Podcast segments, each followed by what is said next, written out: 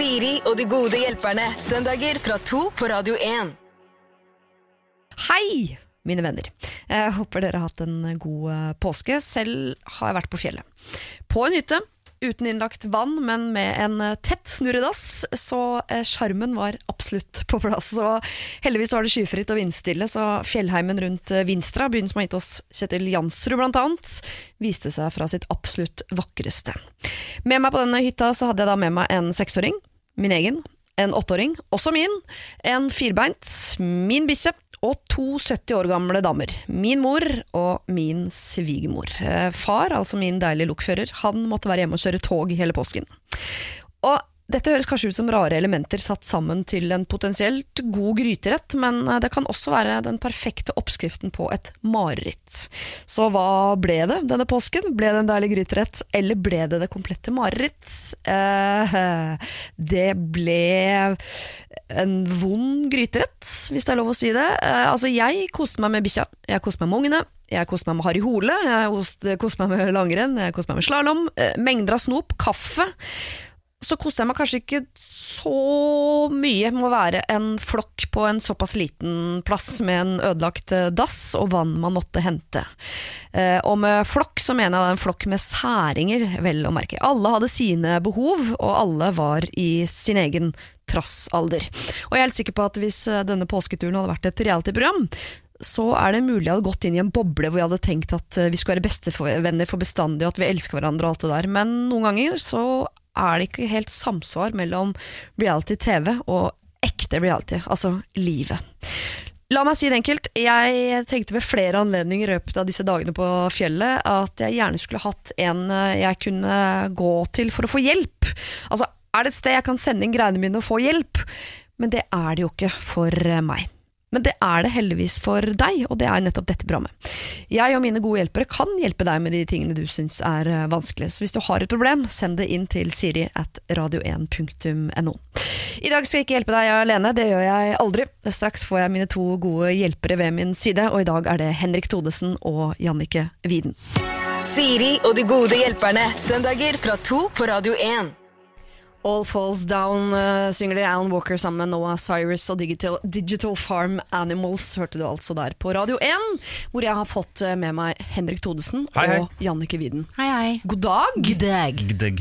Dere er mine gode hjelpere i dag, og skal komme med råd i timevis. Hyggelig. Men da er det jo greit for meg å vite om dere har liksom et problemfritt uh, liv selv. Overhodet ikke. Nei. Det er så stappa fullt. Hva er vanskelig i ditt liv for tiden, Henrik? Øh, la oss begynne med det å stå opp. Syns jeg er vanskelig. Der begynner det. Uh, å liksom skulle få i seg mat på morgenen syns jeg er litt sånn uh, er vanskelig. lik meg. Og så er det jo vanskelig å komme seg ut da, tidsnok. Uh, Ja. Og så er det vanskelig å møte på folk. Uh, det syns jeg kan være vanskelig. Ja. Og så sitte i møter kan jo Nei da. Jeg syns det, går- det- det går greit. Det var, som dere kanskje skjønte, så brukte jeg Begrepet Nei, grepet ironi. gre begrepet ironi. Begrepet ironi jeg forsto det ikke, for det du beskriver er jo mine Nei, det, var, det var parodi på Jannicke, faktisk. Jeg syns det å stå opp er det verste man gjør hver dag. Ja, det er rart. Men når du først Ja. har stått opp, syns du det er hyggelig å treffe på folk? Eh. eller er det litt opp og ned? Vet du hva, jeg er faktisk en av de, det så jeg vel bare på TED Talks eller noe sånt nå, som hadde sånn eh, hvordan Nei, det var på God morgen Norge! Ja. Så var det en kar som hadde sånne tips til hvordan du kunne bli en som ghoster, og det er jeg. Er du jeg en som elsker uttrykket å ghoste, ja, Ja. som bare forsvinner. Ja, eller eller som ser ned i bakken når du møter folk du kjenner. Jeg er en naturlig ghoster. Jeg tror jeg ble Eh. født uh, ghost. Er ikke det veldig bra uttrykk? Idet du er på fest, og vi forlater festen, så skal du bare ghoste av gårde. Altså, sånn jeg er blitt eh, kjent med ghosting, er fordi jeg ikke har svart uh, noen jenter og sånn. Som, Dagen eh, etter, etter at du har eh, Ikke dagen etter, kanskje, men sånn på meld... Altså, dårlig på sånn. Da, det er da men dette, det, ah. Men jeg blir mer og mer glad i, i ghosting. Jeg mener at det ofte så kan ghosting Ja, ja, være er Eller fade ut, da, som jeg kaller det. Kan være bedre enn at man alltid skal ha sånn opprivende brudd med eh, venner og bekjente og familie. Kan, Ja, ikke- og på fest. kan ikke være mer bare at folk fader ut? Ja, Ja, vet gå! Vet dere hva, vet dere hva, folkens? Et godt tips før vi begynner med rådgivninga her. Um, la, la, la ting fades ut. Ja. Ja. Vær god på Ja, utfade. ja, Ikke ja. lag så stort nummer ut av Ja. det bestandig. Og det Ta- derre ta 'nå et hint!» skal jeg gå'! Uff, Det har jeg gjort mye før. Dere vi er allerede i gang med å hjelpe til, uten at folk i det hele tatt har eh, bedt om det. Dette tror jeg Velkommen blir til eh, Norges dårligste råd. Siri og de gode hjelperne. Mail oss på siri at radio1.no. I dag er eh, Jannicke Widen Ja. god hjelper, og det er også Henrik Thodesen. Du rekker hånda i været. Ja, fordi jeg lurer på om det er et problem å være sneak Taylor Swift-fan, for det er jeg. Altså, du er fan, men du vil helst ikke ikke for det Er ikke det det? flaut å være? Jo. Nei, Ja, ja, ja. Hvor gammel er du, og, og eldre enn tolv? Er Nei, det er jeg jo heldigvis ikke. Nei, men da syns jeg ikke det er flaut. Nei, Da ok. synes jeg det er flaut i det hele tatt. Dere, Vi har fått inn et problem fra en som eh, heter, eller i hvert fall kaller seg Sunniva, som skriver Hei! Det har seg sånn at jeg skal bli samboer med kjæresten min til høsten, og jeg sitter last. Han er nemlig minimalist og glad i tekniske duppeditter. Mens jeg er veldig opptatt av å gjøre det hjemmekoselig. Jeg har etter min erfaring sett at mannfolk ikke bryr seg noe særlig før uh, de faktisk bryr seg, da. Uh, og har mange meninger om saker og ting. Men min kjære er sånn, uh, han også. Jeg lurer på om det er innafor at jeg bare kjøper ting uten å snakke med han først. For noen ganger så føler jeg at det er greit å bare lure ting inn bakveien og si nei, den har alltid stått der, den. Hva syns dere? Hilsen Sunniva. Det blir først og fremst veldig vanskelig hvis de aldri har bodd sammen før, at hun skal bruke uttrykket 'den har alltid stått der'.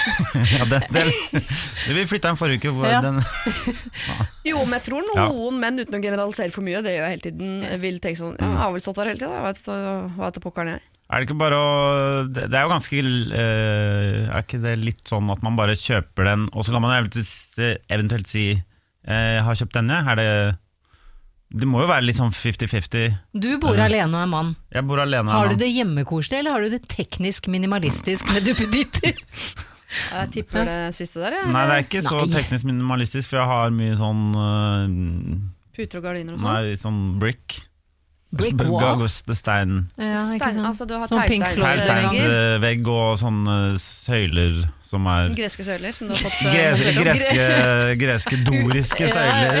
Det er veldig Med Ja. utskårne porselensfigurer, ja, ja, skjønner. og mye sånne der, øh, tigre. Nei, men um, Men vinner ikke hun hvis hun bare kjøper ting, kjøper ting, ting, ting, ting, Ja. ting helt til det er hjemmekoselig, så har hun jo vunnet, for det er vel ikke sånn at han Men det her, Begynner å her skal vi være litt sånn. forsiktige og, og si om vi skal vinne ting i forhold. Det er veldig Det, er veldig, det, det fører ofte til problemer, har jeg Ja. erfart. Men man kan jo prøve å kjøpe en, en del ting, og så er det jo lov å spørre innimellom uh, hva syns du om denne.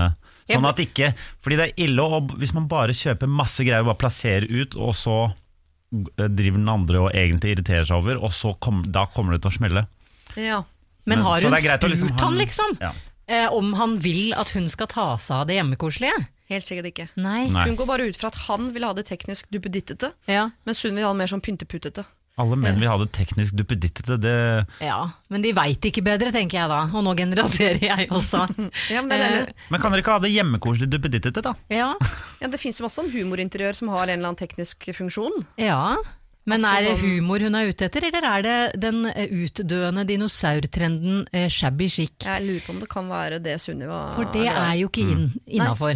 Eh, jeg holder en del foredrag om interiør, og jeg eh, sier at folk skal få lov å ha det som de vil hjemme, men akkurat den derre eh, shabby chic, Ja. Den må vi kanskje begynne å smyge oss litt unna. Spesielt sånn 'my home is my home', uh, Ja. 'in the hole of the bucket is a Fordi hvis hun Du veit! Altså fordi når, når hun sier eh, hjemmekoselig, hvis hun da mener bokstaver, så mener jeg eh, nei. Nei, bare Overhodet ikke. overlate til han Ikke bokstaver. Da er det han som er sjefen. Ja, da må du bare. Jo, men Hvis man da får de bokstavene opp mer sånn at det ser ut som et drinkkart fra en sånn 50-tallsbar, så er vi nærme oss Nei. noe han Nei. Nei. Nei. Nei, vi kutter Bokstaver. ut bokstaver. Med skal mindre vi det gjøre. står hate Eller fuck. eller fuck, så er det ikke lov. Nei. Okay. Men, eh, men ellers, hjemmekoselig er faktisk hjemmekoselig, Ja. så er det lov å Det er lov å ha et deilig pledd i sofaen, liksom. I Ja, ja, ja. tilfelle du er frøsinn en, en kald vårkveld, som vi lider av nå. Eh, Hvis det er et varmepledd, altså noe du kan stikke i en s- Ikke sant? Ikke sant? Da er vi over i teknisk duppedings. Ja. Ikke sant? Sunniva, det fins noen ting som kombinerer teknisk duppedingser med hjemmekoselig. Ja. Eh, Så hvis du finner noen av de, og du spør innimellom, bare kjøp, men spør innimellom hva han syns. Ikke smyg ting inn bakveien. Da må du i så fall forvente det retur også. Oi! Oi, oi, oi. Vi starter sterkt.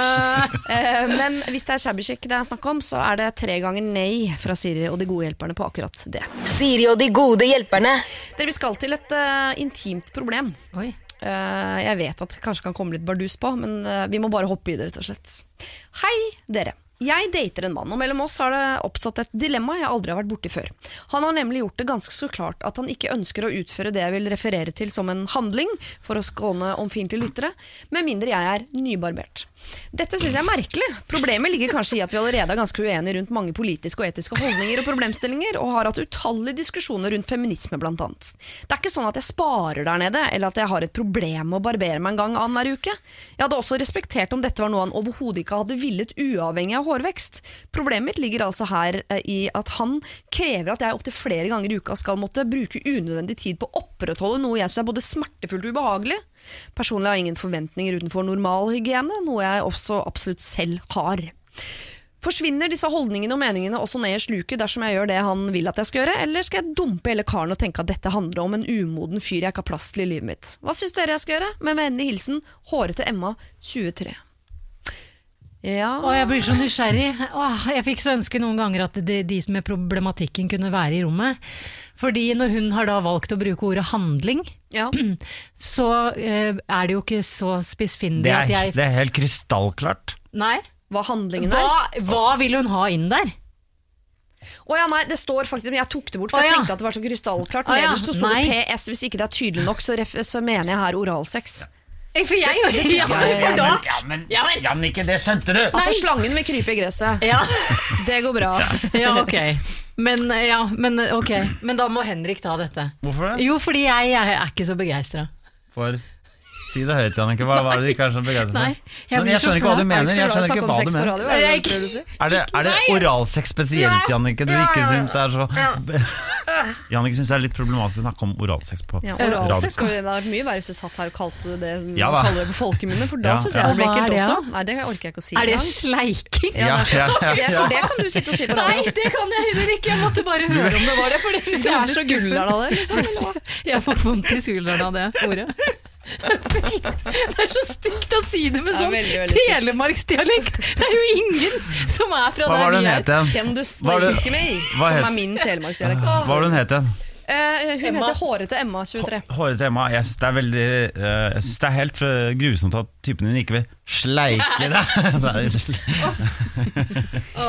Jo, men er det ikke Det er synes lov det er at alle veldig kan ha sine preferanser liksom, på hva man liker og Men ikke jeg, liker. jeg tenker sånn, De har ikke vært sammen så lenge, hadde de Nei, det? de dater bare. Ja, ikke sant? Og hvis dette er et problem nå, at det er sånne ehm, Sånne ting, pluss at de var helt uenige om alt mulig annet òg, høres det ut som Ja, de er mange De er uenige rundt politiske og etiske holdninger og problemstillinger. Og, Ja, politiske er greit, men etiske um... Men er det etisk korrekt eller ukorrekt å ikke barbere seg nedentil? Nei, Nei, det er det ikke. nei, nei. Men det handlet spør. om noe annet. Det handlet om noe annet. Ja. Eh, Det er jo kanskje viktigere, men han er jo jeg vet, Hun lurer jo på om hun skal dumpe hele karen og tenke at dette handler om umodenhet, men Gjør det! Det kan jo hende at han, bare har, at han er en utrolig kul fyr på veldig mye annet, Kanskje. men akkurat det syns han bare er. Men- og det må jeg lov, akkurat det syns han er litt ekkelt. Ja, men tenk, Se for deg nå da at dette er en, en mann med store, fyldige, deilige lepper, Ja. eh, som da treffer jeg, Sånn som du er skjegget i ansiktet i dag, Ja, ja, så sånn. så syns ikke jeg det er sånn kjempeok å kline med deg. Ok, ok. Hvis du skjønner. Ja, vi men får se litt utover da. Fordi Ja. Tenk at du da skal kline med høna, Ja. ja. og så får du da sånn Sånn sår overleppe, fordi jeg ikke vet om håret til Emma er om, om hun liker For hun sier hun lar det ikke akkurat gro, men jeg tenker kanskje det er bedre hvis hun lar det gro sånn at det bare kiler delikat på overleppa, Ja. istedenfor sånn pigging. ja. Kunne ikke det vært eh, Jo, for du vil jo heller ha en mykt gress i fjeset enn Ja. en piggsko, liksom. Ja, helt riktig, Siri. Ja, kanskje, Fint men, oppsummert. men jeg t- tipper at dette hos han ikke nødvendigvis bare handler om det uh, fysiske ubehaget, men han nok også for han Han er nok en litt sånn mannete type som er sånn Er det gress på matta, så spiller jeg ikke-type. Ser jeg for meg, da. Ah, ja. Stikker sånn på afterski i Hemsedal. Når jeg Ja, kommer hjem, så er hun nybarbert. Nei, men Altså, gud, da skal, du, sånn. da skal du dumpe den, ass! Ja, da er det ut, liksom. Da er liksom. det 100% ut. Nå gjorde han kanskje verre enn han er, altså jeg tar selvkritikk på Ja det. men vi får lov å gjøre han akkurat så Ja. som vi vil Ja. Eh, oppi hodene våre. Ja, men hvis dere to sier at hun skal dumpe han, da, så sier jeg spør han først om han foretrekker eh, Å bli dumpet? En, nei, en, en uh, pjuskete pels. eh, istedenfor en Hva kalte du det? Piggsko? Fotballsko. Altså, Piggsko.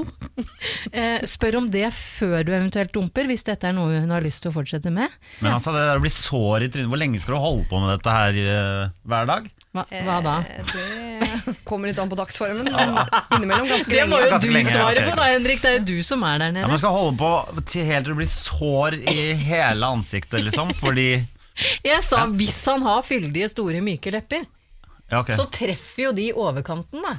Jeg Hvis han gjør ting riktig, vel å merke. Ja da, ja da. Ja. Ja.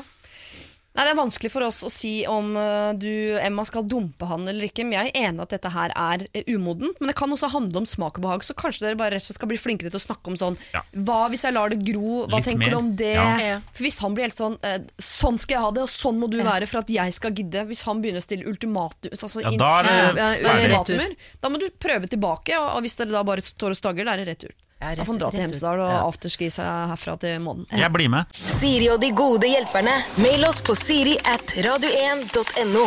Vi skal uh, hjelpe en som heter Nora. Og hvis vi hjelper Nora, så tror jeg vi hjelper veldig veldig mange. Mine gode hjelpere i dag er Jannicke Widen og Henrik Todesen, og her skriver Nora. Hei!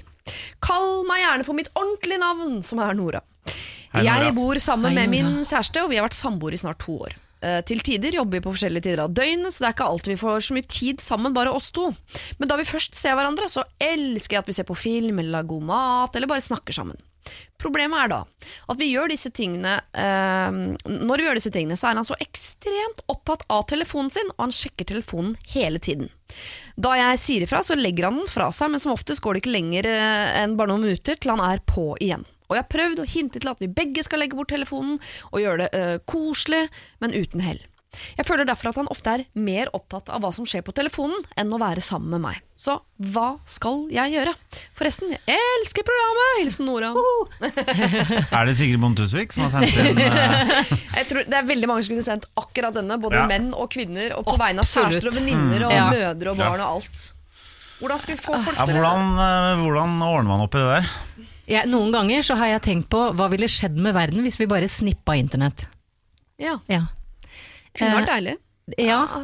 Ja, Den er litt vrien. Ja. Men det der med uh, telefonen er uh, Jeg har sagt i en annen anledning at det er vår generasjons sigg. Eh, der man bryr seg ikke lenger om barna sine, kjærestene sine, ingenting, for man har bare den telefonen i hånda. Og jeg tror at våre barn kommer aldri til å bruke telefonen på samme måte når de får barn igjen, for de kommer til å si sånn Jeg husker mamma, jeg satt bare med den telefonen. Eh, og sånn tror jeg det er med kjærester også. At eh, man snakker ikke sammen lenger. Og det, det Nora kan gjøre, da, eh, er eventuelt å bare begynne å melde han mens han sitter med telefonen. At de har en messenger-samtale Ja. på telefon. At hun Istedenfor å få han ut i hennes ekte verden, så Fordi- kryper hun inn i Ja. hans Ja. artificial Ja. world. Fordi en ting som jeg føler ikke fungerer, eh, er jo å si sånn Å si, å si fra til folk mens de sitter på telefonen. Da blir de alltid sure. Ja, Har dere lagt merke til det? alltid, alltid. må de sitte på telefonen? Hvis man sier det, så blir man alltid sure. Alle blir det Fordi folk føler seg dumme Ja, av å bli jeg- jeg, jeg, tror- i noe, da. Jeg, tror det er det, Ja. fordi man bare blir sånn Ja, faen at jeg, jeg Det blir som Er jeg røykere som sånn? ikke har lyst til å slutte å røyke. Fordi og så man er det jo en avhengighet også, for jeg tenker de gangene man blir tvunget til å legge fra seg mobilen, så tenker man på forhånd sånn 'Å, herregud, det blir helt forferdelig'. Ja. Og så noen timer eller dagen etter, sånn, så merker man at 'å, det er ganske deilig', ja. Ja. Men det må, Ja. det må være under tvang. Det er ingen som, du får ikke mennesker i dag til å legge frivillig fra seg mobilen. Men det, Jeg tenker at man må bli enige om en tvang. ja, ja, det er det jeg tror man må finne ut av det der på forhånd. Ja. Eh, På, eller gjøre en eller annen avtale med, skal vi legge mobiltelefonene på kjøkkenet mens vi spiser, f.eks.? Ja. Ja. Eh, eh, Sånn, nå, skru, nå er det ikke lov å bruke telefon for i morgen. Det er jo ikke noe Altså, De, de, eh, de gangene jeg, jeg våkner og er sånn går, eh, tar opp telefonen og bare Shit, nå har jeg ikke sett på telefonen sin eh, eh, Altså, jeg, jeg så ikke på telefonen i hele går kveld. Så var det bare sånn Fader, da var det jo Da er det jo gøy. veldig hyggelig. ja, men er det ikke deil, deilig? hyggelig. Kjempedeilig. Jeg har i det siste året hatt en sånn restriksjon på meg sjøl når det kommer til mobiltelefon, da, fordi jeg Ja. fikk stadig tilbakemelding fra folk rundt meg om at fy faen, du sitter sitte med den telefonen hele tida. Men det er jo på en måte bare en, Ja. en sånn automatisk handling. Ja. Jeg føler, For det er jo ikke noe du Det er jo ikke noe sånn Vet dere hva, folkens? Eh, Anette har på seg hundeører! Altså, det er jo faen bare piss, liksom. Det syns jeg er piss. Det er veldig mye piss. Bare avhengig av piss. Ja, ja, avhengig av piss. Eh, Og det her med likes og sånn òg er jo også en veldig sånn farlig greie Mm. som eh, svært intelligente mennesker har lagd eh, greia bak, sånn at folk skal bli avhengig av det fordi man blir glad Tenk på et er eller annet. hunder. Sånn, Ja. du vet, for å få hunder til å, å gjøre ting, så hadde man, hadde man sånn klikker. Ja, man eller sånn klikka hver gang, ja, Ja. hver gang de gjorde noe bra. Og det vil- er likes for oss. på Ja. At Vi blir så sånn hunder som er sånn Å, jeg har fått likes, jeg har gjort Ja. noe riktig i livet. For dere Ja. som ikke har sett den, så vil jeg gjerne anbefale Black Mirror sesong 3 episode 1. Å ja. Ja, Er dette problematikk som tas opp der? ja men på en veldig fin, fin måte. Dette med Må jeg ser se sesong én og sesong to? Nei, nei, nei, det er helt, alle, alle episodene er helt frittstående. Men, så, men sånn Så- helt seriøst, hva tror dere hadde skjedd hvis de, de klippte ikke internett, da, for vi trenger liksom tilgang på mail og jobb og alt det som fungerer der ute i cyberen. Men hvis de hadde klipt strengene til Facebook, Snap, snap? Snapchat? Snapchat og, eh, og Nei, Instagram Nei, i bare ei uke. Ja, men Det man kanskje kunne ha gjort, og dette høres ut som et tullforslag, men jeg mener det, innfør sånne eh, kinesiske barnerestriksjoner, som jo ikke er lenger, men på mobil. Som er sånn Du har tilgang til sosiale medier, eller du har tilgang til internett så så mange timer i døgnet. ja, lurt. du må, du må eh, bruke det riktig. Ja. For hvis du har brukt opp på å være på Facebook innen klokka to eh, på en lørdag, så får du ikke tilgang før i morgen. Å, fy fader, det er så genialt. At man, kanskje man kan sette de restriksjonene sjøl. At på lørdager så har jeg to timer hvor jeg har lov til å bruke internett på min telefon. Så jeg må bruke det riktig. Fordi telefonen er jo veldig fint når man er alene.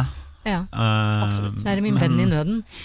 Men når man er sammen, så er det jo veldig Men jeg tror, Ubrukelig. tror også det er en god løsning for, for Nora å, å sende kanskje hyggelige meldinger. da. Sånn 'elsker deg' eh, på Snap, sende et bilde. Altså sånn, sånn at han oppdager selv at han sitter med et kommunikasjonsmiddel i hånda si, når han egentlig bare kan stryke Ja. kjæresten sin på ryggen. Ja. Men det er jo lettere også å skrive 'jeg elsker deg' eh, på telefonen enn å si jeg, Det er ikke ofte jeg prikker min lokfører på skulderen på en tirsdag og sier 'jeg elsker deg', men hvis jeg legger meg før han, så sender jeg han melding fra senga og ut i stua. Hører jeg sånn pling der ute, og da har jeg sendt han 'jeg elsker deg, min ørn', eller 'min due', eller 'min hauk', eller vi er velger litt forskjellig sånn fjærkre ut fra dagsformen. Er det noen gang kylling? Nei, kylling har ikke Nei, men. Er du fjærkre òg, eller Nei, bare jeg blir han? ofte spurv og due og Nei, ja, men det er fjærrelatert? er det pingvin? ikke Ikke flyven? Ikke det? Nei, Å, det kan tror ikke du jeg bruke det i kveld? Pingvin? Ja. Jeg skal vurdere det i kveld, altså. ja. Happy feet. Men ok, eh, Nora. eh, dere må For det første så må du ta opp dette ikke mens han sitter med mobilen. Dere må bli enige om noen regler på forhånd om hvor mye dere får lov å bruke og når dere kan ta fra. Kanskje legge på kjøkkenbordet mens dere spiser osv. Sånn at dere er enige på forhånd og ikke tar det midt i. Og Så kan du jo også krype inn i hans verden og sende han noen meldinger på mobilen mens han sitter der med den greia i hånda uansett. Siri og de gode hjelperne. Du hører på Radio 1, Siri og de gode hjelperne. Henrik Thodesen og Jannike Widen er det i dag. Eh, og vi skal hjelpe en som kaller seg for Mia Medium. Og eh, det er ikke fordi hun er synsk eller noe. Det er fordi Nei, jeg håpet hun var ble det. Nei, eh, men hun anser seg selv for å være et helt medium menneske. Og det er vel ganske generell oppfattelse man har av seg selv. Medium, mener du? Medium, Ja, Medium? ja. Sier medium. Som i størrelsen medium? Medium-størrelsen, ja. Large, medium, small. Å ja, jeg sier mid... Jeg sier også medium, Ja. men det er greit. ja, nei, men greit. jeg kan sier- si medium Nei for å da. være med i gjengen, ja, så det er viktig for meg. Men nå, nå har vi definert hva medium og medium er. Mediocre. Kjempebra. kjempebra. Mia, medium, da. Det blir Ja. bedre til Mia at det er medium, så vi går for Ja. medium. Mm. Hei, jeg er en helt vanlig jente, og jeg liker å se på meg selv som middels i utseendet. Er ikke tynn, jeg har former, men jeg er ikke tjukk heller. Jeg sliter så sykt med kroppsbildet for tiden, og sier til meg selv hele tiden at jeg er stygg, at jeg er feit, at jeg er bleik, og at jeg ikke har utstråling. Dette er så kjipt. For noen dager siden så følte jeg meg ganske så fresh, egentlig. Så det kjipe er at de dagene eh, når jeg er stygg med meg selv eh, psykisk, som de fleste er, så skal det ødelegge så mye av selvbildet mitt. Jeg har mange venner, god familie, en kjæreste som ofte forteller meg hvor fin jeg er, og jeg bare lurer på om dere har noen råd til hva jeg kan gjøre for å få litt bedre selvbilde. Jeg håper eh, du og de gode hjelperne dine kan komme med et forsøk på å løse mitt problem. Med vennligheten da, Mia Medium. Ja, jeg har et veldig godt forslag. Ja. Skriv dagbok på når disse dagene er, og så tror jeg du raskt finner ut av at disse dagene hvor du er stygg, feit, bleik, eh, med lite utstråling er eh, ca. fire dager før menstruasjon. Åh, jeg var så redd du skulle si ved fullmåne eller noe. Nei, det, er- det er svaret til Mia Medium. Til Ja, medium. Det er fullmåne, jenta mi! Ja, tror du det, eller tror du at det er liksom typisk jentegreie at man innimellom føler seg stygg og feit, og da er man veldig liksom flink til å si det til seg selv. Du er stygg og feit. Ingen som liker deg, egentlig. Men det er sikkert et godt forslag det å skrive ned hva skjer ellers de dagene. Hva har jeg gjort nå? Har jeg, har jeg, sittet, har jeg sittet hjemme på ræva i Ja. en uke nå uten å gjøre riktig. Mm. noe ting? Har jeg vært, mm. er har jeg vært, kvinne, har jeg vært aktiv? Har jeg trent litt forrige Ja. uke? Altså det, det er jo sånne ting Hvis jeg bare sånn Nå har jeg, når jeg sittet og sett på TV i, i en uke. Da Man føler seg jo helt grusom da. Føler du deg noen gang feit og stygg, Henrik? Nei. Bra. Jeg har hørt deg kommentere et bilde av deg selv, Henrik, hvor du syns du så feit ut. Ja, ja, ja, men det var fordi genseren hang ut.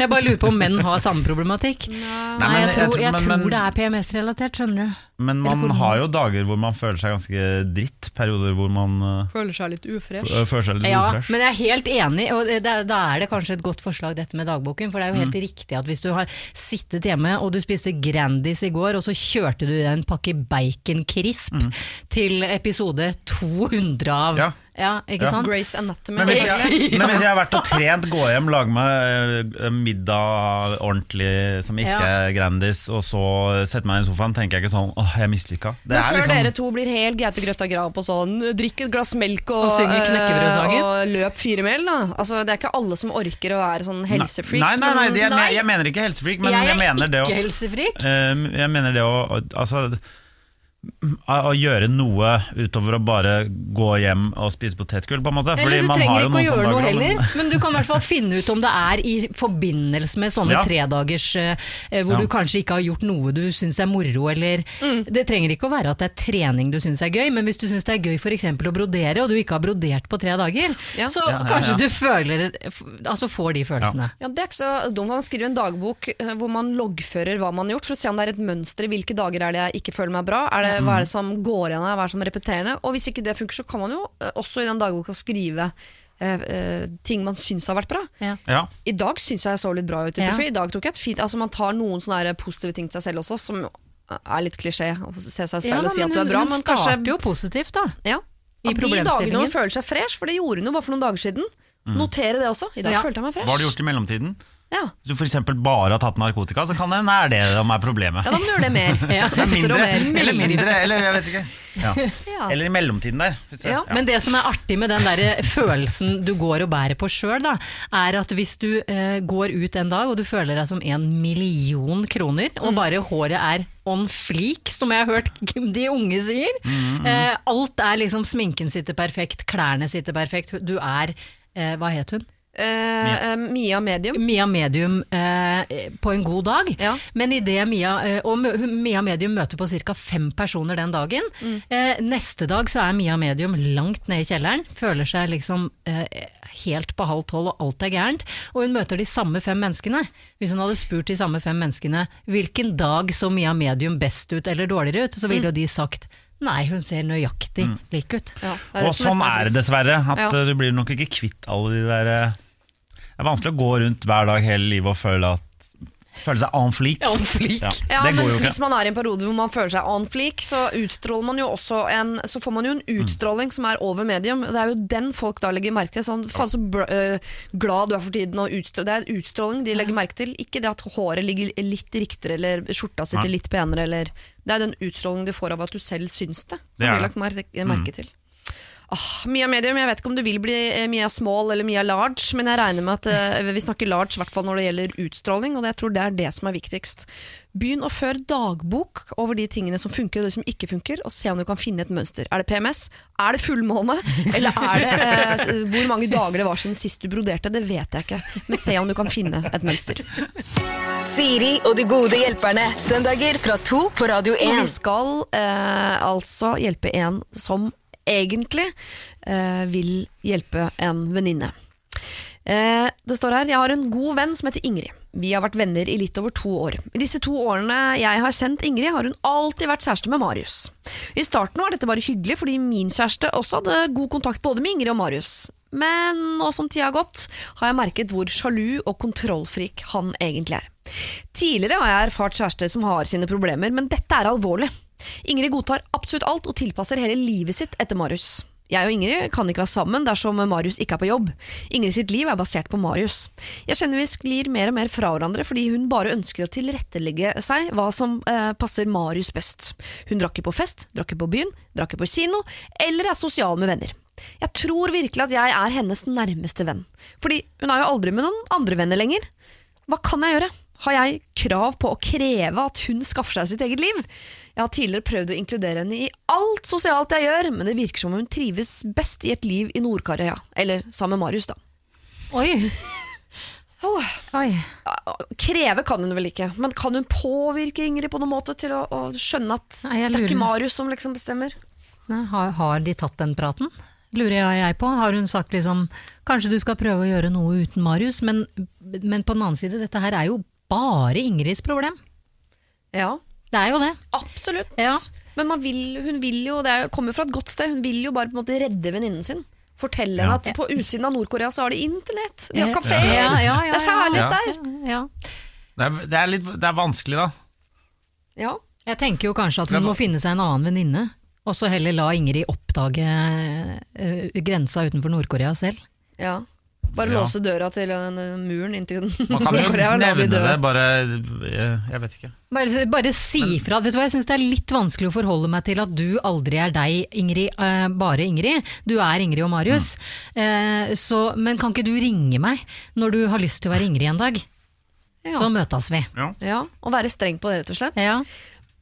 Men skal hun ikke prøve å redde henne litt først, da? eller bare fortelle henne om den verden der ute, eller hvordan hun, hvordan hun ser dette utenfra? At nå opplever jeg at du, alt du gjør, er det Marius som bestemmer. Mm, men det, det, det er jo liksom eh, Ja. um, Det føles litt sånn der ang, altså Man angriper en person veldig. Bare sånn, Se her, det du holder på med er liksom feil her nå. Det, jeg, jeg vet ikke hvordan han kommer til å ta det. da Det er, liksom, det er litt vanskelig eh, å For alt vi vet så er jo Ingrid veldig veldig lykkelig og syns ikke andre ting Nei. er gøy å gjøre uten Marius. Nei. Det går jo an. Elsker Nord-Korea! Ja, hun Ja. elsker Nord-Korea. Hun elsker at ikke det er internett. Det har vi vært inne på før. Ja, i dag, ja, at vi kanskje skulle snippa det der i Ja. nettet. Men det, det fins jo mennesker som liker hverandre så godt at å gjøre ting uten hverandre er ikke så veldig gøy. Ja. Kanskje hun bare prøver å ghoste deg. Du har et helt sånn sykt rikt liv på andre siden, liksom. Ja. Ja. Jo, men jeg syns også akkurat de tingene der er eh, vanskelig. For jeg mener jo at uh, Ingrid har valgt sin kjæreste. Uh, hun er voksen, hun kan ta sine egne valg. Uh, og hun velger en kjæreste hun liker å være sammen med, ikke en som alle andre rundt syns hun skal være sammen med. Man tar jo det valget basert på seg selv, men i og med at hun gjør det på vegne av at du ser at dette er ikke bra for Ingrid. Det er ikke sånn at 'jeg vil ha Ingrid', jeg, jeg, jeg, meg, meg, meg. Det virker ikke så veldig egoistisk motivert. Det virker som om hun tenker at Ingrid er på en måte hjernevasket. Hun vet ikke at hun Men det må Ingrid oppdage sjøl. Men hvis hun føler at hun mister Ingrid uansett, så kan man jo øh, i hvert fall ta en prat om det der, da. Ja, for hva kan man tape på hvis hun har tenkt Ja. å ghoste? Nei. Skal hun liksom være øh, Hvis du føler bitch og sånn så ghoste? Nå Liksom? er ikke vi venner lenger snart øh, uansett, så da kan man liksom ta den øh, praten. Og kanskje en kjempemisforståelse. Kanskje Marius er veldig veldig syk. De har bare valgt å ikke si det til noen. Jo, jo, men så Jo, må jo, passe på han. ja, Man vet jo ikke hva folk Nei, nei, driver med når de er to. Men de får jo bare lov å være sammen når Marius er på jobb. Ja, det Fordi ser er, er Marius sånn Altså er Ingrid sånn som ringer da eh, vår eh, pleietrengende Ja. eh, og, og sier 'nei, nå er ikke Marius på jobb, så da kan ikke jeg være sammen med deg'? Eller ringer hun og sier 'nei, men vet du hva, Marius og jeg skal eh, gå rundt på senteret'? jeg veit ikke hva folk gjør. tydeligvis, helt tydeligvis ikke. jo, um, nei, men jeg, jeg kan tenke meg at det er sånn uh, Jeg syns det er morsommere å være sammen med venner Jeg synes jo ofte det er morsommere å være sammen med mine venner uten at jeg alltid må uh, ha med meg lokføreren, liksom. Så da kan jeg tenke sånn uh, Min mann jobber i helga. Vil dere komme på besøk, eller skal vi finne på noe? Jeg syns det er lettere da å finne på Ja, når jeg på en måte er tilgjengelig. eh, Men når han er hjemme, så har jeg lyst til å være sammen med han. ja men Så det er ikke ikke sikkert det er sånn at han har sagt nå drar jeg på jobb, Nei. da kan du slippe ut av buret ditt noen timers tid. Men du er på plass til jeg er ferdig. Ikke sant? Lokføreren er vel ikke sånn? Absolutt ikke. Siri, du skal ikke ha noen her nå som ikke jeg sitter i lokomotivet mitt. Nei. Nei for, for det er jo lett å tenke sånn når folk blir sammen med at bare sånn Faen, hun er aldri sammen med hun, øh, Han kontrollerer, og, og så er det egentlig ikke det som er greia. Vet du hva, Jeg har blitt beskyldt for det samme, det kommer jeg på nå. Mm. Da jeg ble sammen med han jeg var sammen med i 18 15 år, Ja. eh, så var det en veldig nær venninne som sendte en tekstmelding feil, nemlig. Den kom til meg, den skulle til en annen. Og der sto det 'Jannicke klarer jo faen meg ikke å gjøre noe uten Lasse'. Nei. Den fikk jeg da, hvor jeg tenkte altså, nå må du Snurpen. nå. Du tar veldig feil. Ja. Men eh, da, han var da musiker. Eh, veldig mye ute i helger og spilte, så når jeg hadde kjangs til å være sammen med han, så ville jeg være sammen med han av helt egen fri vilje. Ja. Sånn som du har lyst til å være sammen med lokføreren. Ikke så jeg sant. tror ikke vi skal ble, hva heter det, shame Ingrid for at hun har lyst til å være sammen med Marius når Marius kan. Nei. Så da syns jeg at du skal ta kontakt med Ingrid og uh, finne ut av dette her ved å snakke med Ingrid. Ikke bare snakke med din indre stemme hvor du tar avgjørelser basert på noe du egentlig ikke vet så mye om. Ikke ha Kanskje de- monolog, nei. Nei, ikke ha monolog. Prøv dialog istedenfor monolog. Hvis det er sånn at du uansett nå tenker at åh, dette her er lost case, og du er på vei ut av hele vennskapet, så syns jeg du skal gjøre en ordentlig innsats først for å finne ut av hva dette er for noe. Om det er noe du kan gjøre for å redde stumpene. Kanskje det hele bare er en misforståelse. Eller kanskje du redder venninnen din som er fanget i Nord-Korea. Prøv å snakke med henne. Siri og de gode hjelperne. Søndager fra to på Radio 1. Dere, Vi skal til et uh, stort og litt vanskelig problem. Her tror jeg ikke du nødvendigvis har spisskompetanse, Henrik Thodesen. Okay. jeg går ut Men det er deilig å få noen uh, synspunkter fra alle mulige vinkler på dette. Nå er jeg spent. Kjære Siri og hjelpere. Jeg og min samboer, la oss kalle henne Stine, har vært sammen en stund. Vi elsker hverandre og er begge enige om at det er oss to for resten av livet, hvis dere skjønner. Men det er jo selvfølgelig et men. Jeg har veldig lyst på barn. Stine har for så vidt lyst på barn, hun også, men ikke helt ennå. Hun er 26 år og føler det er så mye hun ikke har gjort, steder hun ikke har reist osv. Jeg prøver å fortelle henne at livet ikke trenger å være over bare fordi man får barn, og at det er ikke hun som skal gå gravid heller. Min biologiske klokke begynte å tikke for et par år siden, og nå når jeg fyller 32, føler jeg på mange måter at tiden er i ferd med å renne ut. Ikke at jeg er for gammel ennå, men å få barn i et lesbisk forhold er ikke alltid rett fram. Når man først starter prosessen, kan det ta alt fra tre måneder til to år før man blir gravid, og jeg har ikke lyst til å vente så mye lenger enn det. Jeg vil bare skyte inn at det kan også skje i heterofile forhold. Ja. Det kan ta alt fra to minutter, eller sekunder for den saks skyld, til mange år. Vi er for så vidt blitt enige om å starte prosessen nå til våren, men jeg merker allikevel at det til tider er dårlig stemning rundt temaet. Stine får nesten panikk hvis jeg tar opp temaet om barn, og kan altså bringe opp at hun nesten syns det er dumt at vi i det hele tatt har truffet hverandre, som vi gjorde, for hun skulle ønske at hun hadde hatt flere forhold, hun, levd litt mer først, osv. Jeg har jo som sagt veldig lyst på barn, og jeg vet at Stine heller aldri vil komme til å angre i ettertid, men jeg har jo ikke lyst til å føle at jeg tvinger henne til noe. Så hva gjør jeg da? Be henne skjerpe seg, eller gi henne mer tid, og samtidig gå på bekostning av mine egne ønsker? Hjelp! Hilsen babysyke Bea. Ja, er det sånn eh, Er livet over når man får barn, Jannicke? Absolutt ikke. Eh, Du har heller ikke dårlig tid idet du er 26 og 32 år. Nei. Jeg fikk barn da jeg var 27. Syns det var litt i tidligste laget. Ja.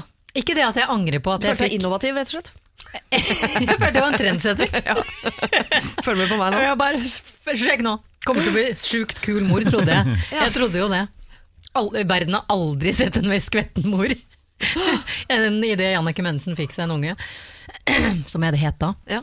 Eh, så eh, i retrospekt Nei, hva skal, hva skal jeg si? Jeg har aldri, aldri, aldri angret på at man får barn. Jeg har aldri hørt om et menneske som har angret på at de får barn.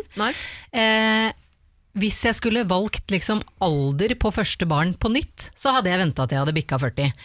Nei, ikke 40! Nei, ikke 40! Nei, da ville jeg ikke venta, men bikka 30. Ja.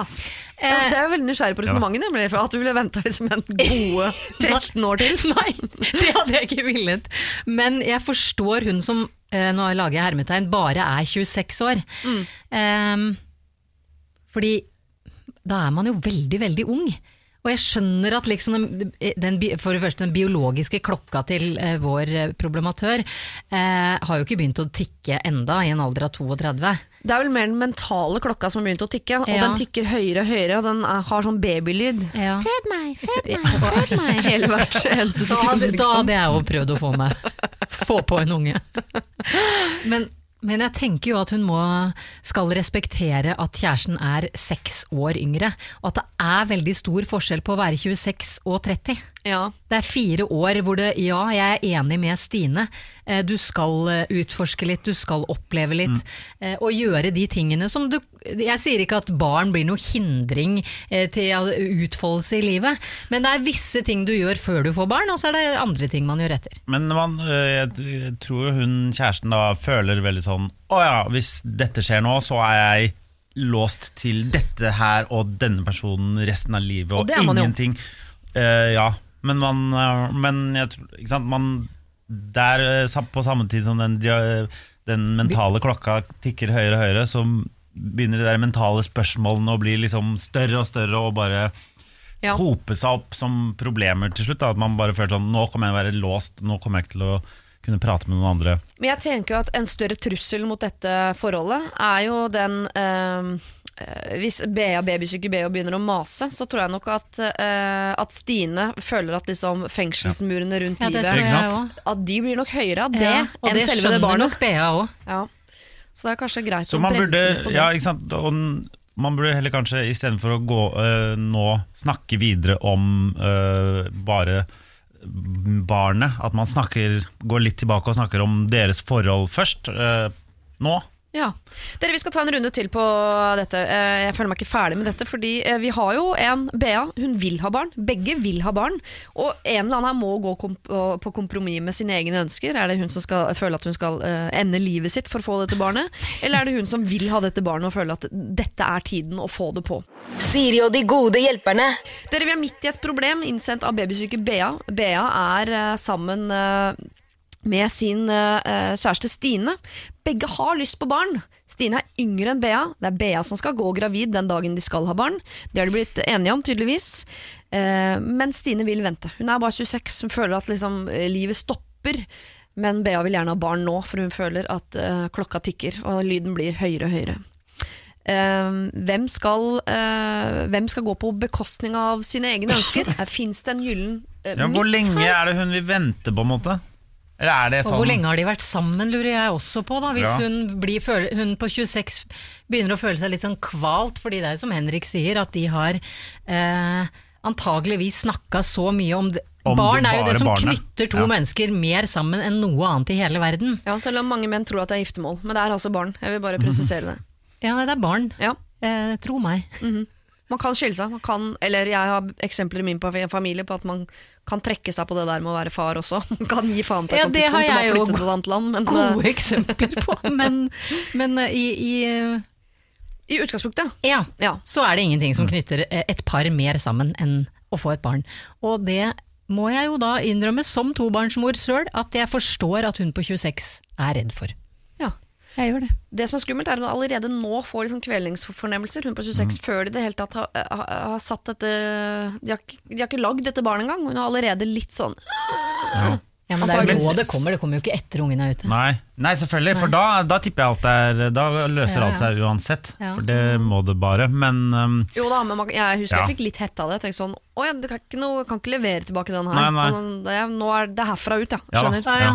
Det tenkte jeg ikke på. du Ok. fikk den? Ja, jeg fikk Ja, for den. den litt. eneste jeg fikk var faen, nå kan jeg aldri sove til tolv igjen. Ja, Det var det eneste jeg jeg tenkte. Aldri igjen. ja, jeg får jeg- det, er, det, det er det jeg får dårligst samvittighet av uh, ofte. Som på daglig basis er de gangene jeg sover til tolv. Da Ja. føler jeg meg så ræva menneske. Ja. Tjukk, stygg og bleik, føler du det da? Ja. Nei. Men det er det å ha muligheten. Jeg sier ikke at Ja man da, bør ja gjøre det, ja, ja, ja. men det er det å ha muligheten.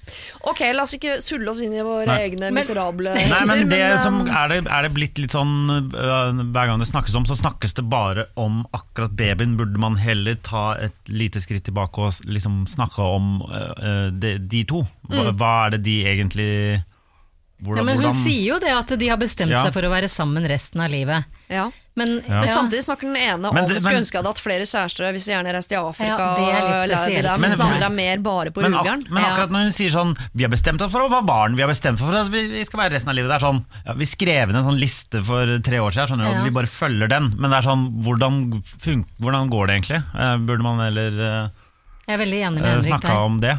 Ja, og det blir enige om, og det høres jo litt ut som om babysyke Bea og eh, Stina snakket om det, og så har Stine på et tidspunkt sagt sånn ja ja, det er klart vi skal ha barn. Og så Ja. håper hun at eh, nå har jeg stagget det behovet for bekreftelse, og så går det noen år til neste gang temaet kommer på banen. Ja, Ja. Så gjør det ikke det, det går bare noen dager. ja. Og så blir det kjas, og så vil hun til Afrika på løvesafari, ikke sant? Det virker egentlig Ja. som det er noe helt annet som er problemet her. Uff, det er veldig Nei, vondt å legge ut. Altså, stakkars. Bea blir veldig redd nå. Ja. For hun blir redd for å miste Stine. Men, Ja, ja, men, men hvis man bare blir sånn blind på På én sånn ting Ja. Sånn, Ja, for det som er viktig, som vi kan si til Bea, at du må jo først og fremst sørge for at du og Stine har det bra sammen, og at den kjærligheten over Det husker jeg var veldig tydelig på til min eh, lokfører, når vi begynte å snakke om vi eventuelt skulle få nummer to. Så er det sånn, Det viktigste for meg er at du og jeg og barn har det bra sammen. Ikke at vi skal, ha- altså Nå har vi det, jeg må vite at kjærligheten er sterk nok. At det ikke kan komme inn en fjerdemann og fucke opp. Jeg vil heller være tre hele tiden enn å være Ja. eh, jeg pluss to en uke, og meg- bare meg andre uka, på en måte. Så jeg tenker at eh, Bea må først og fremst pleie forholdet. Før hun begynner å, å hente kvist til redet sitt. jeg tenker jo, fordi det er ganske spesifikke ting Stine vil. Ja, Eh, Å ha andre kjærester er jo kanskje utelukka nå. ja den er vanskelig. Ja, den er litt vrien. Men eh, la oss si at de velger å reise på Er det til Afrika hun vil? Afrika er et eksempel Ja. på et ønske her. ja. Men kan de ikke eh, prøve å bli enige om at vi gjør noen av de tingene du tenker at vi ikke får gjort når vi har fått barn? jo, Og så tar vi opp babypraten igjen. Babytråden.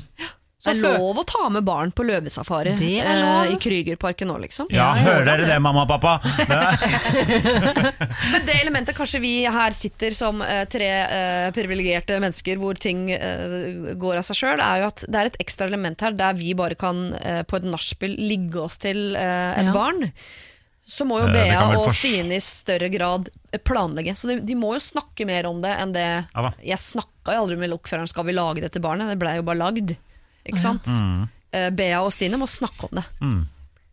Men det kan de gjøre etter de har vært i Afrika. Afrika først. Ja. Hvem vet? Kanskje Nei. Nei, det er ikke sånn det fungerer. Unnskyld. Låne litt løvesæd, er det det? Altså, Vet hva, jeg sa aldri det, det var Nei. du som sa. Men jeg, jeg kjenner et par hvor det fungerte med eh, en venn og en sprøyte. Ja, ja, ja. ja, ja. ja. Altså Anette Trettebergstuen gjorde, kjøpte engangssprøyte på apoteket og bare fylte den opp med pappamelk. Ikke sant? Så det... Pappamelk, ja, det var ekkelt. Unnskyld. Jeg skulle holdt meg til løvesæd, men Det beklager. Jeg beklager det. Oi, oi, oi. Ja.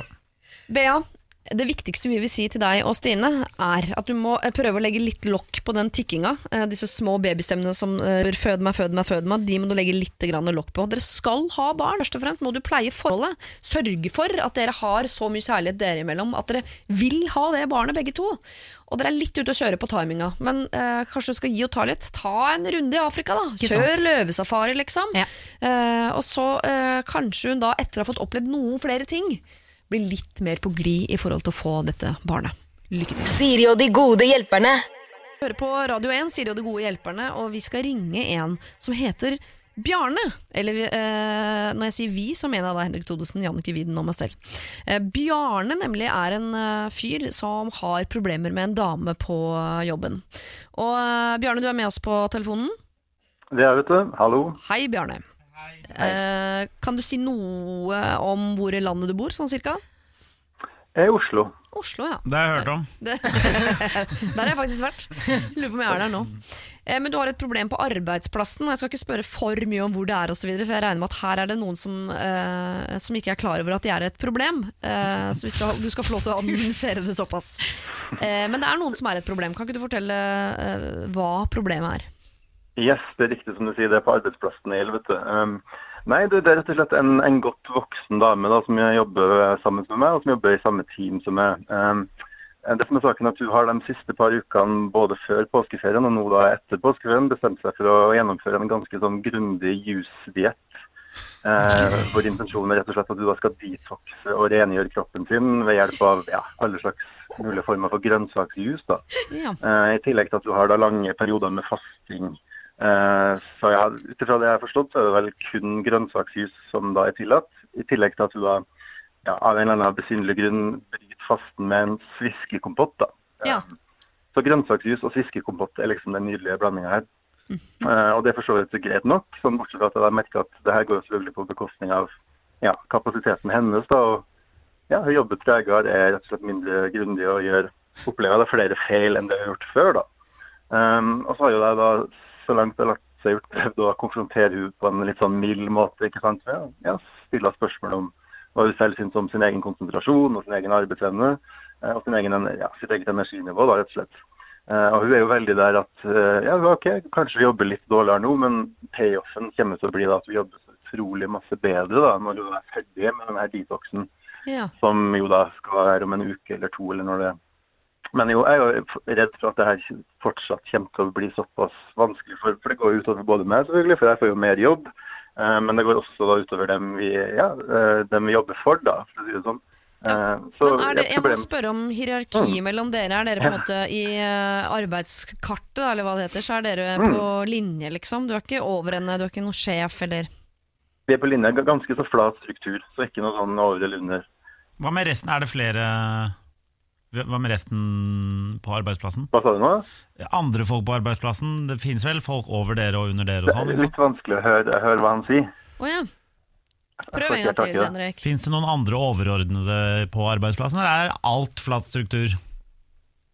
Ja, fortsatt ikke, fortsatt ikke høre hva han sier, altså. Kan Nå ikke skal jeg du- oversette. Kan ikke du oversette? Hører du ja, Ja, Da er det noe mikrofonproblematikk der. Men har du en Har dere en sjef? Som du eventuelt kan Vi har en sjef. Dere har en sjef. Det er akkurat det.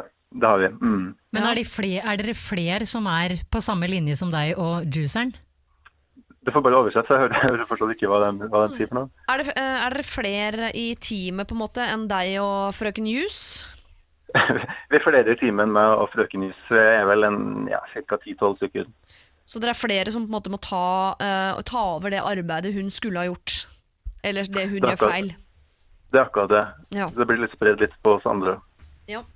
Du, vi skal eh, spille en eh, låt, uh, Bjarne, og så skal uh, Jannicke, Henrik og jeg snakke litt eh, om det. Og så kommer vi tilbake til deg med eh, gjerne en fasit, eller i hvert fall noe du kan ta med deg videre. Og se om du kan bruke til noe. Ok? Så, så bra, takk. Ja, Ha det så lenge. Ha det. Siri og de gode hjelperne. There's Nothing Holding Me Back synger han Sean Mendes her på Radio 1, hvor eh, jeg, Siri Kristiansen og mine gode hjelpere Henrik Thodesen og Jannicke Widen prøver, eller skal nå prøve, å hjelpe Bjarne. Bjarne er med oss på telefonen, han får ikke lov til å kommentere vår, uh, vår rådgivning akkurat nå. Uh, men hans problem er altså at han har en godt voksen dame på jobben sin, som går på en jusdiett, altså en renselsesprosess, som sikkert er vel og bra for helsa, men det ødelegger for konsentrasjonen og arbeidsinnsatsen. Så per nå så er hun en dårligere ansatt. Og den eh, arbeidsmengden hun da ikke klarer å gjøre, faller da på Bjarne og hans kollegaer.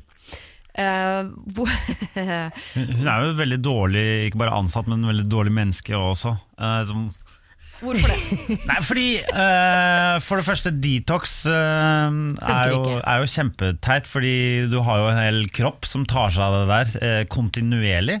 Eh, inni kroppen din har du masse komponenter som Men det er problemet med sånn New Age-pissfolk, at de, du kan ikke prate til dem om ekte ting, for de tror bare på ting som ikke fins. så det er problemet. Harsh. Ja, men, og jeg mener det er veldig veldig dårlig gjort å drive med sånn. Og vet du hva, Eh, Folk må drive med all sånn piss, men Men man må eh, få lov å ta med seg personligheten ja, ja, ja. sin inn på arbeidsplassen. Folk er jo ja, ja, du men- mister jo personligheten din idet du du bare drikker juice. Ja, ikke sant? Det, og, og du kan bruke hva med, hva med å bruke ferien sin til å drikke juice og sitte hjemme og være slapp og ikke orke en dritt og sovne hvert kvarter fordi du bare har null energi? Det er jo kjempefint å holde på med i ferier og helger og sånn, men ikke, ikke gjør det på jobben, fordi du, du blir jo helt Helt utmatta av det. Men dette kunne jo vært en eh, ekstrem lavkarbodiett eksempel også. Det blir man jo ikke eh, full av futt og fart av det heller. Nei, det kan man ikke legge til ferien. Du får i hvert fall i deg en kyllingbit, Ja, liksom. men det, det, det, det er greit, jo. Altså, det, eh, kroppen trenger mat, ikke sant? Det irriterer meg at, jeg ikke, at vi ikke fikk eh, vite om det er av medisinske årsaker denne jusinga pågår. Det er, det er ingen som uh, Jeg må ta meg en detox-kur pga. medisinske årsaker'. Ah, Det er ikke Nei, Det er ikke det. doktor Skavlan som har gått inn her og Nei, sagt nei. eh, Nei, kjære det. pasient, kjør på Nå- med noe grønnsaksjus, så ordner det seg. 37 brokkoli i flytende form. ja, ja. Altså, det må jo stinke Nei, på det et kontoret. typisk, Ja, dette jeg er et typisk prosjekt. Dette er en dame på ca. 40 år som tenker at nå skal jeg rydde opp i helsa for Ja. å leve et langt liv for barna mine osv. Og, så videre, og så Ja. begynner man i feil ende. Antageligvis. Ja. Men hva kan uh, Det er hennes liv og hennes personlighet. Ja, og hennes ja, valg. det, det mener jeg er greit, men Hva jeg- kan jeg- Bjarne gjøre? For det går utover han på Ja, fordi arbeidsplass. det må være lov å si at vet du hva, det er helt topp at du er interessert å, å, å detoxe deg, og jeg ønsker deg alt hell og lykke i new age-verdenen din. Men kan vi Mm. Si det være så Nei, ikke si det på denne måten, nei, nei, nei, Nei. Men kan vi være så snill å ta det på fritida? Altså ikke ikke ha de, eh, jusedag nummer to på, på, man, på, på mandag, Den har har Det- pågått for- veldig lenge, den jusinga. Men Kan man tvinge kollegaer til å, få på bacon liksom, for å levere på jeg, Nei, men Det man høres ut som noe noe man kan ønske seg, men faktisk ikke be om. Nei, Nei, man kan ikke det, men eh, Kan det gå via sjefen? Her, vi sitter jo ikke på uh, arbeidsrett, det er vel ikke vår sterkeste Det jeg tenker hvis vi skal hjelpe Bjarne i den situasjonen her, er at han må, han må ta opp med andre kollegaer. De var 10-12 stykker i teamet. Eh, hvor det er sånn, altså la oss kalle henne. Gunn! Gunn! Gunn. Ja, satt langt i det. Er, nei, ja, den satt langt inne, men er, er det sånn at vi nå bare skal ta en neve hver for Gunn i hele teamet? Eh, eller sånn at ikke han, hvis Bjarne er av den typen som er sånn nei fy faen, nå får vi ikke gjennomført prosjektet til tida, så da legger han alt på sine skuldre. Han kan ta det opp med det andre i gruppa og tenke sånn er det flere enn meg som syns at Gunn er litt under været, hva heter det på norsk? Under the weather? Under paret. Slapp heter Under det. paret. Ja. Slapp Pjusk. litt pjusk Ja. eh, for tiden. Eh, og hun er da på en juskur som er over om to, to uker. Uff, det er så fælt. Slutt med Men den kan hun ikke ta, juskuren. nei, men kan hun ikke ta dette, eh, ikke for å trumfe forslaget ditt, men ta det altså, med Gunn? Og si sånn, ok Gunn, du er på newskur, det er greia di, det skal ikke vi blande oss inn i, men det vil si at det er en del av de arbeidsoppgavene du skal ha gjort, Ja. de blir ikke gjort. Eller vi må rette opp i feilen din, eller gjøre det du ikke rekker. Ja. Så det blir en arbeidsbelastning for gruppa. Hele gruppa sitter der og man later som dette møtet har vi lagd for, for å løse, eh, løse Ja, opp i ja, dette. ja.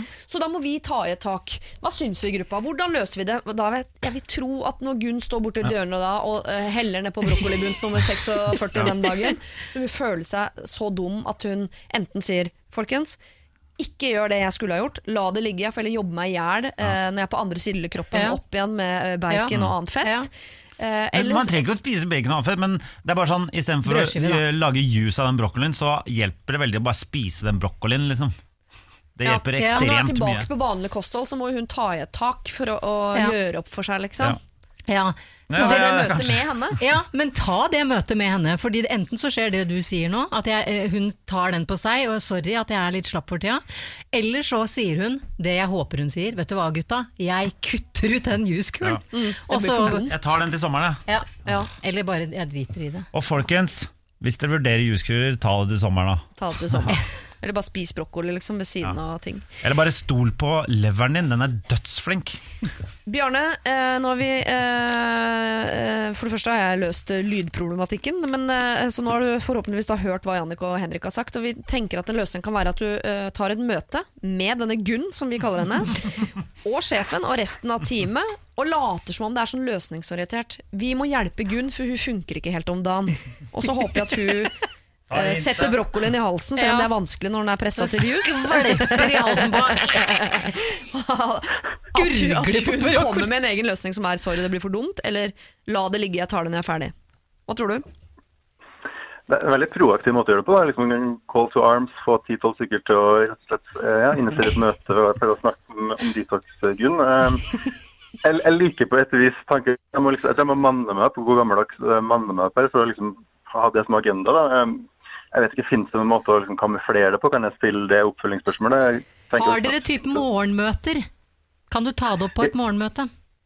Ja, vi, har det. Ja. er mandagsmøte, så det er en, en fin måte å måte starte uka på, kanskje. Ja, kanskje. Perfekt! Altså, I morgen så tar du dette, og du tar det som fra et sånt Jeg prøver bare å hjelpe til, for Ja. jeg vil det beste for deg, Gunn. Kroppen din, helsa di, leveren din. heia Men også arbeidsplassen, så jeg vil bare hjelpe. Hjelpsomme Bjarne. Du blir superhelt, Bjarne. Du er liksom ja, Ah, Du kan komme inn på det morgenmøtet med en neva knytta opp mot himmelen. Ja, du begynner sånn La oss først bare ta en applaus for Gunn, som har klart Som er så flink på detoxing. Ja. Da er vi over i sarkasmeland, altså. Det er der jeg er god, da. Ja, er- der er du god. Ja, men Eh, eh, jeg, jeg liker den strategien, så kan jeg liksom få sånn good guy-stempel i tillegg. Det Ja. høres egentlig veldig bra ut. Ja. Ja. Jo, ikke så dumt. Da syns jeg vi prøver det. Og Bjarne, Ja. etter at du har gjort dette på mandag, på morgenmøtet, så vil jeg gjerne ha en eh, rapport på Gunn, uh, hvordan hun Ja. reagerte. Om hun kutta ut juskuren, eller om hun lovte å gjøre det etterpå, eller om hun uh, knakk sammen. Om vi har knekt et menneske, det vil jeg også ha tilbakemelding på. For da må vi justere uh, måten vi prøver å hjelpe folk på i dette radioprogrammet. Så hvis vi er enige om at du, det, du tar tak på mandagsmøtet, og så får vi en rapport her i Siri og Hjelperne i etterkant. Høres ut som en fin avtale. Som Gunn ville sagt, det der kommer du til å få god karma av.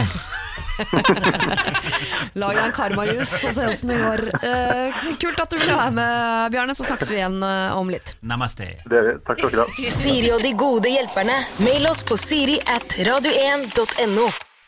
Feel It Still Portugal The Man hørte vi der. Og i opprør nærmest mot uh, Justiet, så har Jannicke Widen og Henrik Thodesen sittet her nå og trøkka i seg uh, pistasjenøtter og sjokolade de siste minuttene. Har dere kommet dere over uh, jus uh, Jeg føler i hvert fall ikke at jeg har uh, optifisert detoksineringa av meg selv. Nei. Nei, jeg, Hva er motsatt av detox, da? Retox. Jeg føler meg ikke retoxa av den sjokoladen. Nei, men jeg detoxer jo nå. Akkurat, ja, leveren jobber kontinuerlig, er det det jeg prøver å si? Cellerensende system osv. Cellerensesystem, ass. Ja. Dere vil gå videre her i Siri og de gode hjelperne. Vi skal til eh, en uh, dame som ikke er så veldig god til å holde på hemmeligheter, sier hun. Men dette er en hemmelighet som er av den gode sorten. Hun håper vi kan finne rom for å hjelpe henne. Mitt problem er i korte trekk, skriver hun. Jeg skal ta motorsykkellappen. Men skal jeg fortelle det til mannen min og eller venner og familie? Eller skal jeg holde det hemmelig og heller vise fram førerkortet når jeg har bestått oppkjøringa? Jeg har full støtte hjemme til å ta MC-lappen av min mann. Han maser til meg om at jeg skal ta den, for han har selv MC-sertifikatet. Eh, Og det er nettopp det at han har lappen som gjør det litt vanskelig for meg å bestemme meg for om jeg skal involvere han tidlig i prosessen, eller bare overraske han. Vi har vært kjærester i 14 år og har vært gift i snart syv. Og jeg har både tobeint og firbeinte barn sammen. Vi deler alt, snakker om alt. Men det hadde vært gøy, da. Å ha en liten hemmelighet. En Ja, overraskelse til en forandring, liksom. Aber er at da får jeg ikke noen tips og triks på hverken teori, eh, hvordan lese, øve, jeg får ikke noe øvelseskjøring eller oppkjøring eh, med eller av han. Det kiler i magen hver gang jeg tenker på det. Jeg er elendig til å ljuge, og jeg er ikke så veldig god på å holde på hemmeligheter. Wow! Øvelseskjøringssertifikatet kom i posten i dag. Jeg har bestilt første kjøretime med en kjøreskole, men ingen vet noe! Og hun lurer da Mm. altså på hva vi syns. Skal hun gjennomføre hemmeligheten, eller skal hun Men hun har jo allerede Hun har jo allerede en liten hemmelighet uansett, så det er jo kanskje Hva da? At Nei, nei, At det hun er, bestilt, liksom? det er allerede en liten Hvis hun hadde sagt det nå, så hadde det jo også vært på en måte en liten sånn overraskelse. Ja, jeg har bestilt Altså, jeg er Ja. i gang. Jeg er i gang. Det er jo allerede jeg der er det jo. Det, er, det, det tror jeg hadde vært glede nok for henne, virker det som. Da, for det virker som hun har veldig behov for mannen sin. Ja. Eh, Men, og jeg tenker også at hvis hun skal eh, gjøre dette til en sånn derre Uh, du vet sånn I'm coming out, sånne programmer som har gått hjem og står med lappen, liksom. Ja. Da må hun lære å dra på bakhjulet eller noe. Og du syns ikke det er uh, kult nok, Nei. liksom? Nei. Nei. Da er det mye det- Hvis hun kommer med en Ducati eh, med høy drilla høl i potta, og bare gasser den Ducatien på ett hjul opp oppkjørselen Ok. og, og Skjønner at du er skilt, Janke? Jannicke. Er litt høye standarder der. Jeg skjønner at jeg er fresh. Det er mer Hvis jeg skulle lagd filmen om dette forholdet, Ja. så er det sånn den scenen ser Ja. ut. Men jeg tror nok for disse som har delt alt i 14 år, så er noe av moroa bare det at hun har holdt en hemmelighet. Det kunne Ja. nærmest vært 'jeg har bakt', surprise. Liksom. Altså, det bare, Nei! jo, men hem det gøye er jo at hun har klart å holde noe hemmelig. Siri Snuppa. altså, Ja, hun avslutter mailen med å skrive! Ja. Som om hun sitter på på en måte eh, Aladdins skatter under kjelleren i hjemmet hjemme. Hun skal bare ta motorsykkellappen. Men hun har en mann som har lappen, han har gleda seg til kona skal få lappen, og Ja. plutselig har hun den. Ja, det er gøy. Det er jo surprise. Hvis hun kommer dragende på ett hjul, Det er kulere. ja. Det kan være litt kul, da. Hvorfor med... sier du at jeg er skilt fordi jeg vil Bare syns det var litt høye standarder å ha av, ja, men av Det hadde jo vært til meg selv, ikke til deg hvis vi var gift. Dere møtes veldig da. på midten, for du har masse sånne manneegenskaper, eh, Jannicke. Og Henrik, du har masse kvinneegenskaper. Ja. Dere er veldig like. Til sammen er vi inkjekjønn. Ja, Ikke dere er menn, eller hen. Uh, ja. Men jeg tenker sånn, hun har allerede nå har hun en bitte liten overraskelse. Mhm. Den vil bli, eh, det vil bli en ganske stor overraskelse hvis hun eh, klarer å ta lappen og vise fram den. Ja. Da er, det er jo kjempebra. Og selvfølgelig så kan hun eh, i tillegg til det lære seg å dra på bakhjulet. med dut. altså, det er jo Du er uendelig. Hun kan Du er jo det. Og nå Ja. sier han jo det du sa. Ja men, ja, men han sier med det med bakhjulet i veldig sånn der parentes. Det er jo dritkult. Det er jo det kuleste. Ikke sant? Det aller kuleste er jo eh, hvis Men du det som kjører skjer- på toppen av et fly, og så hopper ned, og så bare har du sånn fallskjerm, og så bare Får du Pepsi Max som sponser. Ja, og så sponsen, det er Red Bull som sponser det. Det det, det. Og så, Jeg kjenner igjen Red Bull, jeg kan eh, snakke om det. Og så uh, hopper du ned der, kommer du, og så lander du på bakhjulet og drar bort, og så så eksploderer motorsykkelen, og så tror mannen din at du er død, Ja. men så kommer du gående sånn Gjennom utenfra flammene. gjennom flammene. Med lappen i hånda. dun, dun, dun. Eh, Og så kommer de dressmannkara ved siden av. Men Det er det aller feteste. Ja. Dette høres veldig fett ut, men det som Ja. skjer i virkeligheten er at hun Ja. kommer på Ducatien sin opp, prøver å dra på bakhjulet, tryner, Mm. ungene ler seg i hjel, videoen havner på YouTube, og hun får Og armen de i fatten og kan ikke svømme hele sommeren. Men de, kan, men de blir rike på YouTube-videoen fordi hun så så dum ut. Ja. Nei, men uh, Ja, ja det er sant. jeg, så, så det jeg tenker er Jo lenger du holder hemmelig, jo kulere er det. Det var jo det som var mitt poeng. Det høres ut som jeg, Jo lenger du klarer å holde på hemmeligheten, og jo større du gjør hemmelighetens eh, Når du avslører hemmeligheten, jo større eller kulere Ja. måte du gjør det på. Om det er konfetti og dverger eller åssen du løser det, liksom. Men det, bare, det hadde vært kult. Og det må jeg si at jeg har alltid angra på de gangene man har, jeg har vurdert sånne prosjekter. Jeg husker sånn jeg skal, jeg skal gå på dansekurs, jeg skal lære meg swing så jævlig. Så på neste fest, sammen med kompisen til typen min Mm. Vi planla det, vi skulle lære oss swing Oi. vi to. Så på neste fest så skulle vi bare kunne swing begge to. Uten at noen visste om det. Men jeg klarer ikke, jeg, jeg syns ideen er så morsom at jeg må fortelle det med en gang. For jeg syns det er så gøy, og det er det jo borte. Men var det gøy på swingkurs? Nei, vi tok aldri noe swingkurs. Når jeg hadde avslørt Du hemmeligheten, så bare var det sa ikke det noe med en gang. Da var det Ja. ikke noe poeng. Ja. Det, jeg Og jeg er sier jo at enig. folk får til jul to uker i forveien, ja. for det er så gøy! Ja. Så det jo, men det er jo det som er problemet med, med ting. Ja. Uh, det er jo 1% idé og 99% gjennomførelse. Så Ja. prøv å gjennomføre det så godt som mulig, sier jeg. Det er Ja. mitt tips. Ja, gjennomføring er vanskelig. Men uh, Sessa, som du vil bli kalt, dette holder du hemmelig. Du må klare det. Dette er den ene gangen i livet. Dere har hatt hemmeligheter for hverandre på 14 år. Dette er en god hemmelighet. Ja, Ja, Han gleder seg til du har lappen. Du skal holde det hemmelig, og den dagen du har lappen, så skal du ikke bare flashe lappen. Du skal gjøre det på en litt sånn uh, 'jeg er sponset av Red Bull'-måte. Ja. Det skal være flammer og konfetti og dverger og, Og bakhjul og tur alt, sammen. liksom. Ja, og dere skal på MC-tur gjennom Tyskland. Ja, Det er det kuleste. Hvis du har lappen, så bestill en sånn tur. Til det, er- det er bra. Autobahn. Det er bra.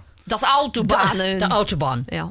Dette her blir helt rått, eh, Sessa. Send oss bilder fra turen, eh, og så ønsker jeg dere lykke til. Siri og de gode hjelperne. Siri og de gode hjelperne nærmer seg eh, slutten, men før jeg slipper Henrik Thodesen og Jannicke Widen ut av buret Liker tanken på å ha folk i bur.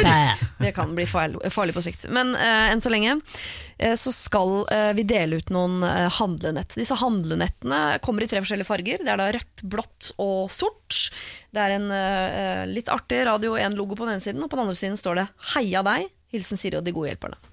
Eh, Jeg kommer til å sende e- et sånn handlenett til Sunniva, denne maksimalisten, eller denne som gjerne vil ha det hjemmekoselig hjemme, men som dessverre skulle flytte sammen med en minimalist som bare ville ha det leiligheten full av eh, tekniske duppedingser. Eh, du skal få et sånt handlenett. Emma, du som er sammen med en fyr som ikke spiller om det er gress på matta, du skal selvfølgelig få et handlenett. Nora som lurer på hvordan eh, du skal få kjæresten din til å legge bort telefonen når det, du prøver å ha det hyggelig sammen med han, men føler at han er mer opptatt av mobilen. Du får selvfølgelig et handlenett. Eh, medium Mia, eller Mia Medium, du får eh, et handlenett, eh, og oppi den så legger vi masse selvtillit, for det eh, sier jo du at du sliter med. Eh, Vi har eh, da eh, Sanna som har en venninne som hun føler at kontrolleres av typen i stor grad. Hun føler at eh, venninnen bor i Nord-Korea i form av at typen heter Marius og bestemmer absolutt alt denne venninnen gjør. Bea eh, vil ha barn med kjæresten sin. Eh, kjæresten vil også ha barn, men ikke akkurat nå. Så de klarer altså ikke å bli helt enige om når dette barnet skal komme. Og Bea vil jo ikke føle at hun tvinger kjæresten til å få barn heller. Vi har snakket med Bjarne Sender på vi, vi sender dem et handlenett med barn, eller? Du får med et barn, ja. Du får med. Ja, jeg er så fred for at jeg blir kvalm av meg sjæl, så jeg kan jo både bli gravid og føde eh, Ja, på impuls eller Raust. på kommando. Raust. Bjarne eh, har vi snakket med på telefonen. Han er så heldig å ha en eh, kollega som går på en detox juice-diett, nærmest, for å rense kroppen. Eh, det går utover Bjarne. Han må gjøre all eh, jobben, og for det skal du få et handlenett. Med bacon. Og en blender og en pakke bacon. Og så eh, Sessa skal få en, eh, et handlenett fordi hun skal ta MC-lappen i all hemmelighet. Og altså børne inn oppkjørselen i midten av mai en gang på ett hjul med eh, høl i eksospotta på en rimelig fresh Ducati. Eh, hvem vil dere gi handlenett til, Jannik og Henrik? Dere kan gi til hvem dere vil i hele verden, og dere kan fylle den med hva som helst i hele verden. Ja. Oi. Og kan jeg begynne? Ja. Jeg har nemlig eh, en venninne som får altfor lite kred her i verden. Ja. Hun har utdanna seg eh, for å gjøre det vi alle egentlig burde gjøre, nemlig redde verden. Hun eh, heter Hege. En bistandsarbeider, altså?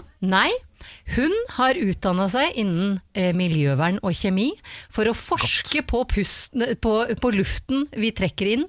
Eh, eh, i, I det ganske land, og, eh, og også sørget for diverse eh, Lager hun duppedingser for å Ja, rense lufta? det eller? stemmer. Ja. Det er hun som har satt opp disse langs eh, ringveien og sånn, som måler hvor mye dårlig luft det er i Oslo f.eks. på vinteren. Det er hennes skyld at vi bare har 60 i fartsgrense på vinteren. Eh, Kan du da ringe Hege og spørre Gjelder det oss som kjører elbil òg? For det hjelper ikke naturen at jeg kjører sakte i elbil. Nei, For den miljøfartsgrensa på 60 Ja. har ikke noe å si for oss i Ja, men hun er Kan vi gønne på i 80 hele året? ja, men det kan jeg spørre om er greit, ikke Ja. sant? Fordi dere får ligge i det andre feltet Og da kan like seg ligge i 80, tenker jeg. Ja, det tenker jeg òg. Ja, men Men jeg mener at folk som utdanner seg til å redde verden, får altfor lite kred. Så mitt handlenett går til Hege Indresand Mm. for at hun prøver å redde verden. Og eh, med et handlenett så er hun med på å redde verden enda litt mer, for da bruker du mindre plastposer. Takk, takk for meg. Det var skal vi fylle den, eh, det handlenettet med ren luft? Ja, Ja. det skal vi. He helium. Og så Hege som bare vil ha en skarve sjokolade. ja, Henrik. Jeg vil gjerne sende et handlenett til uh, det, det, det et veldig nytt menneske som ble laget av min gode venn eh, Odd Magnus Williamson og Tina, som kom til verden på tirsdag. Ja, hun er så søt. Hun Har du fått navn? søt. Uh, ikke Ikke noe- alt det på radio. Ikke, Nei, jeg, skal, jeg, hvis ikke det- ikke- Hun skal hete Sabrina. Jeg er litt usikker. Men jeg vil gjerne gi den til Precious, eller hva hun skal hete. Eh, og eh, litt som Mia Mediums vil jeg eh, stappe den full med alt man trenger for et liv fra 2018. Eh, Det er selvtillit, en egen blogg og en iPhone Hashtag X. no filter. Eh, ikke for å være vanskelig, men er det noe dette lille barnet kort til få, så er det vel selvtillit. Ja, er det, det er noe det, ja. eh, Odd Magnus og Tinashe kommer til å klare å gi barnet sitt, så er det selvtillit. Det tror jeg. Så, uh, greit. men mobil er fint. Men kanskje Ja, jeg putter litt nøkternhet oppi der. Det er kanskje det hun trenger. Litt ydmykhet og litt nøkternhet. Litt ydmykhet og nøkternhet. For det er vanskelig å få hjemme. Liten shout-out til deg, dere der. Ok, eh, Tusen takk for at dere kunne være med og hjelpe i dag. Jeg føler at vi har redda verden lite grann. Ikke så mye som din venninne Hege, Nei, nei, men herregud. men vi har prøvd på det mellommenneskelige plan.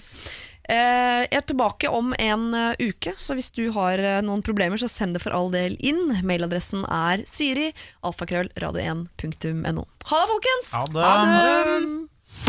Siri og de gode hjelperne. Søndager fra to på Radio 1.